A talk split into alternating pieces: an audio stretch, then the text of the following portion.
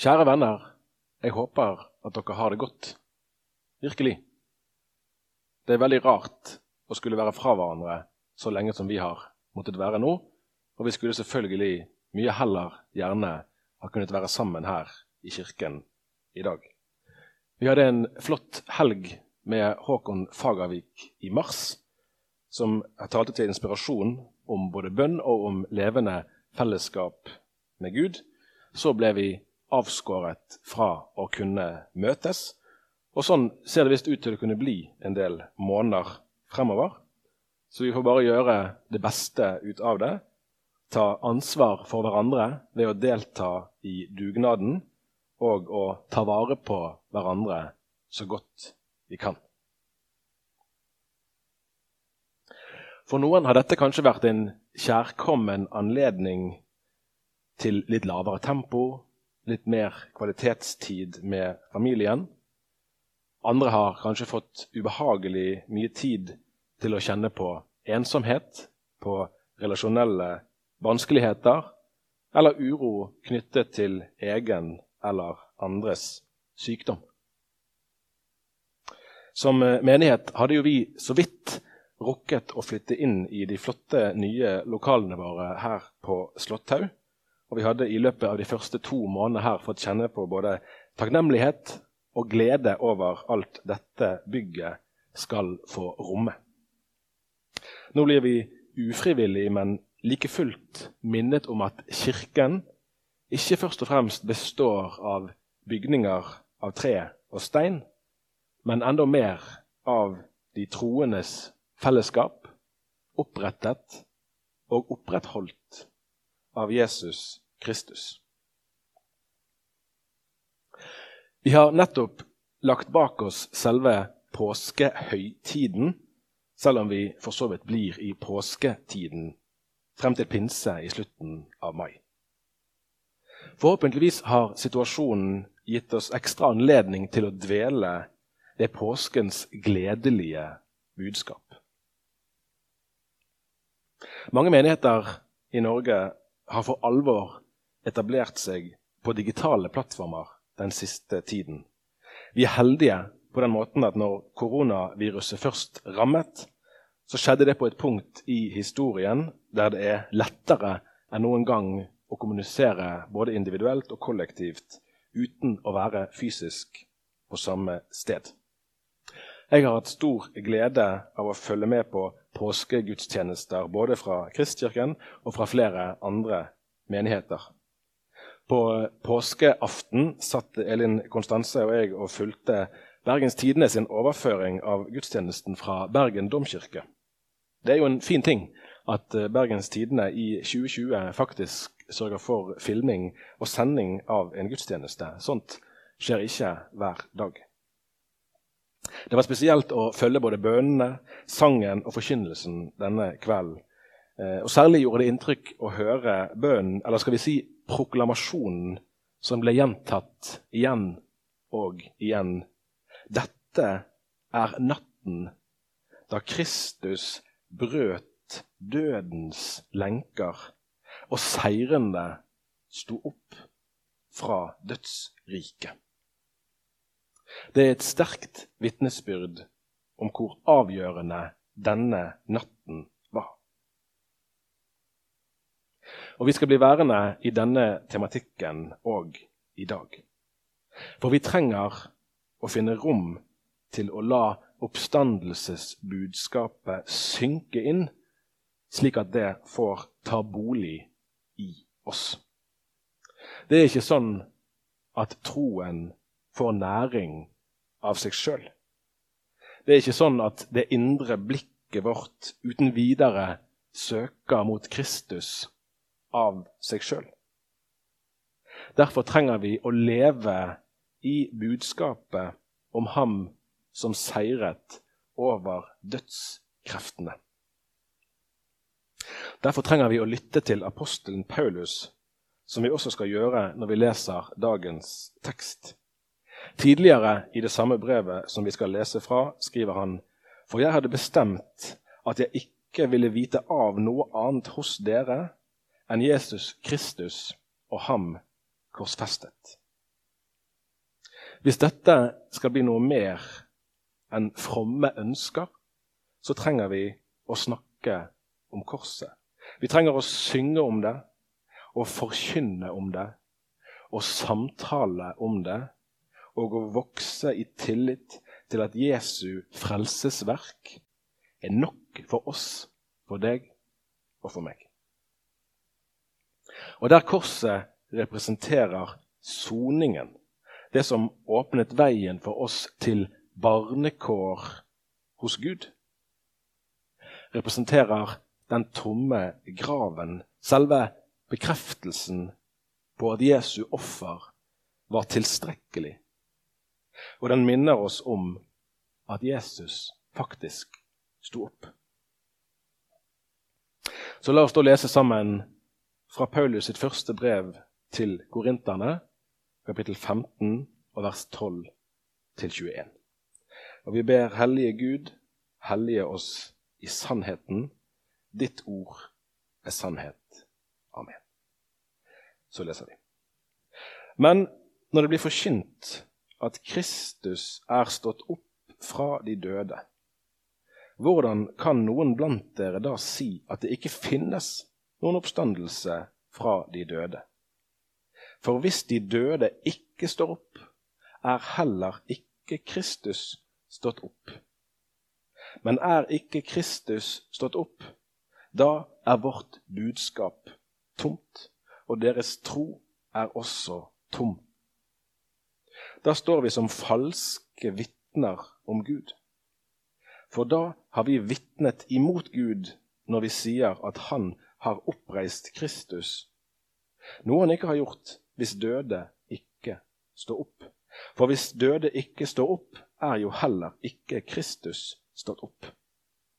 Men hvis Kristus ikke er stått opp, da er deres tro uten mening, og dere er fremdeles i deres synder.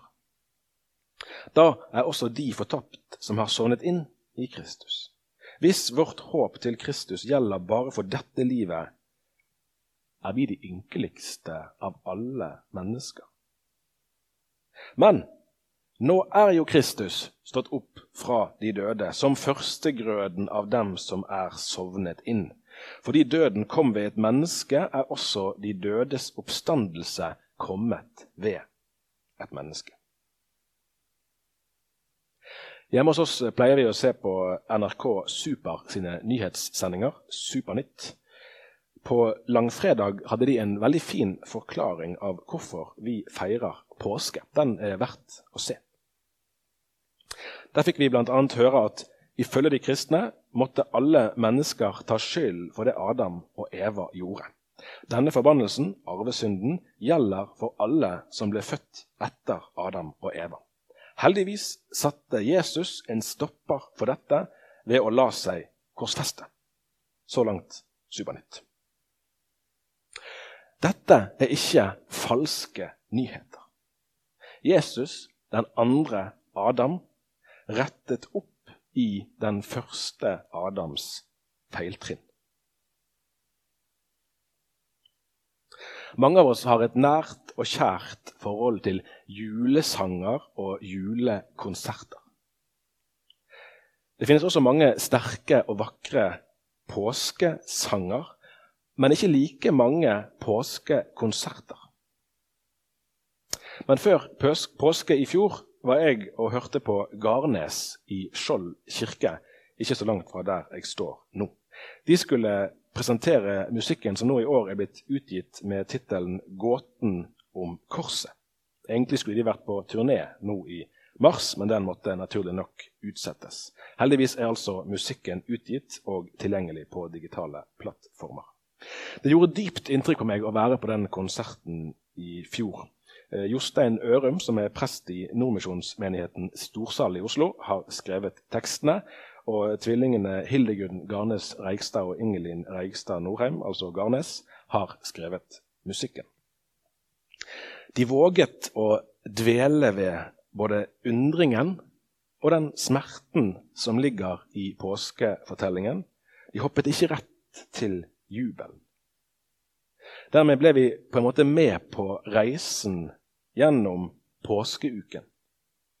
Høydepunktet kom mot slutten av konserten, og høydepunktet opplevdes nok sterkere nettopp fordi de hadde våget å være ærlige nok til òg å synge om det som kom før påskemorgen.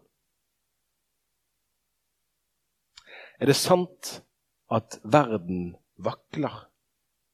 Er det sant at vennskap visner? Er det sant at våren venter? Ja, det er sant, synger de. Så spør de er det sant at alt som lever, har Guds liv lagt ned i seg. Og svaret lyder ja, det er sant. Så nærmer vi oss refrenget i det de spør retorisk. Hvem har beseiret det onde? Hvem har brutt opp dødens grind? Hvem har sluppet ut mørket, og hvem hentet livet dit inn? Så lyder det vidunderlige svaret Kristus har stått opp fra døden. Ja, han har stått opp igjen. Det rant mer enn en tåre fra øynene mine der jeg satt i Skjold kirke denne kvelden i fjor. Det var som om troens essens ble uttrykt. Det er dette det hviler på, som Paulus skriver i dagens tekst.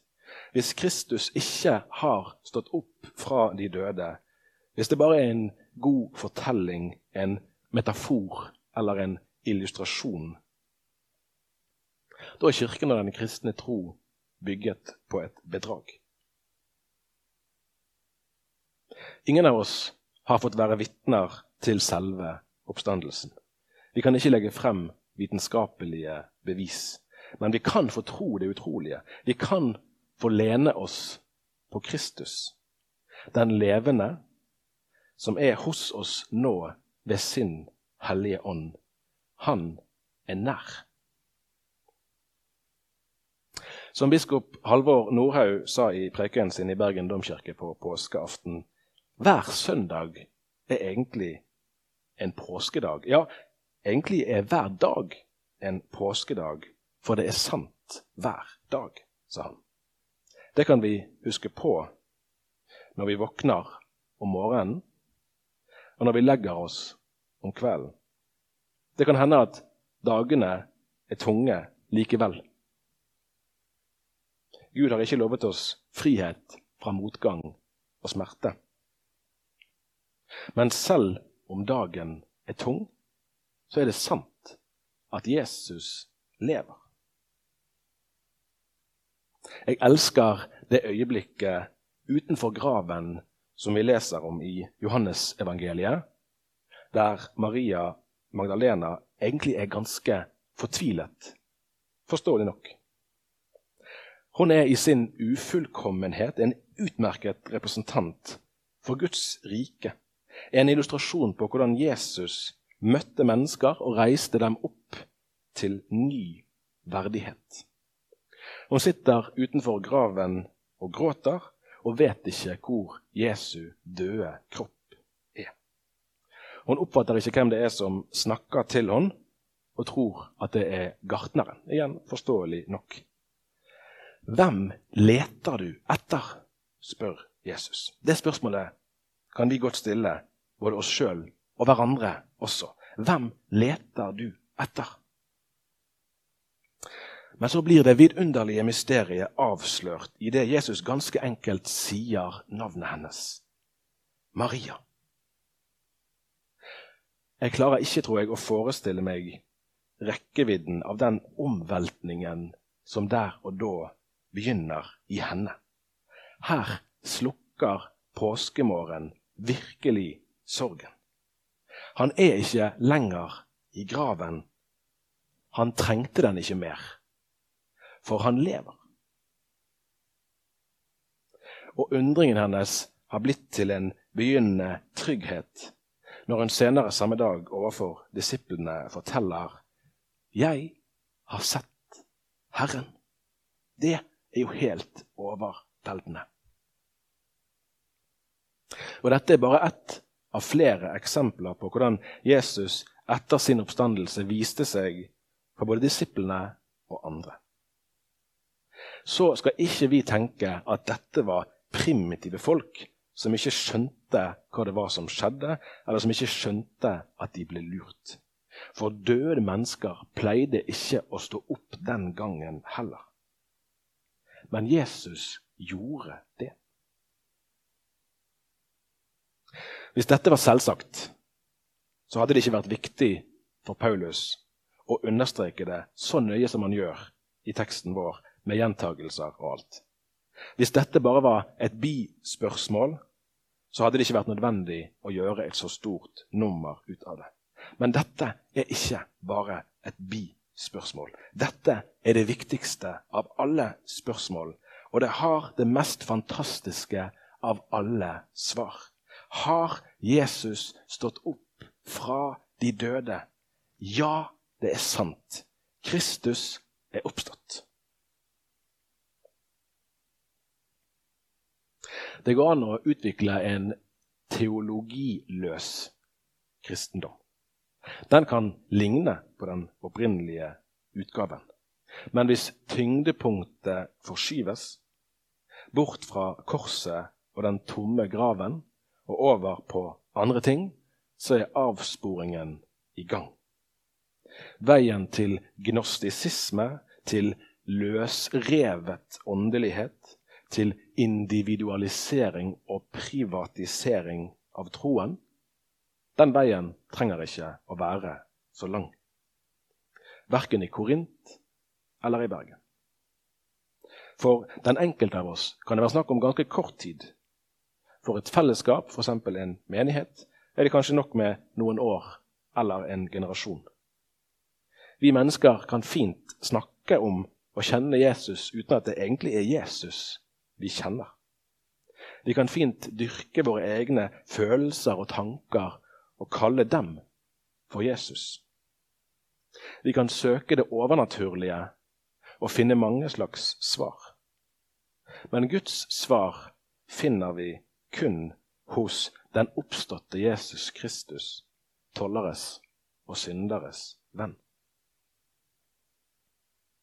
Paulus adresserer dette så tydelig fordi det er nødvendig for oss å løfte frem vitnesbyrdet om den tomme grav, fordi denne for alltid står som kvitteringen, som stempelet på den forsoningen som fant sted da Jesus bar våre synder til korset.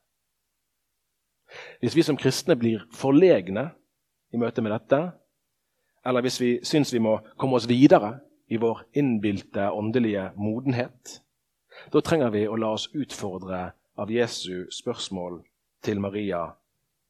Hvem leter du etter?